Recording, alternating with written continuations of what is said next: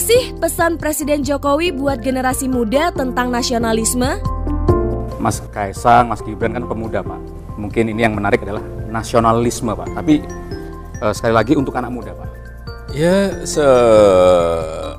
semua pemuda harus memiliki kecintaan kepada tanah air, kecintaan kepada bangsa, dan tahu mengenai uh, betapa negara ini adalah uh, sebuah negara besar dengan keberagaman, kemajemukan, perbedaan-perbedaan yang ya alhamdulillah sampai sekarang dan kita harapkan sampai uh, dunia ini kiamat negara kita tetap satu dengan ideologi Pancasila.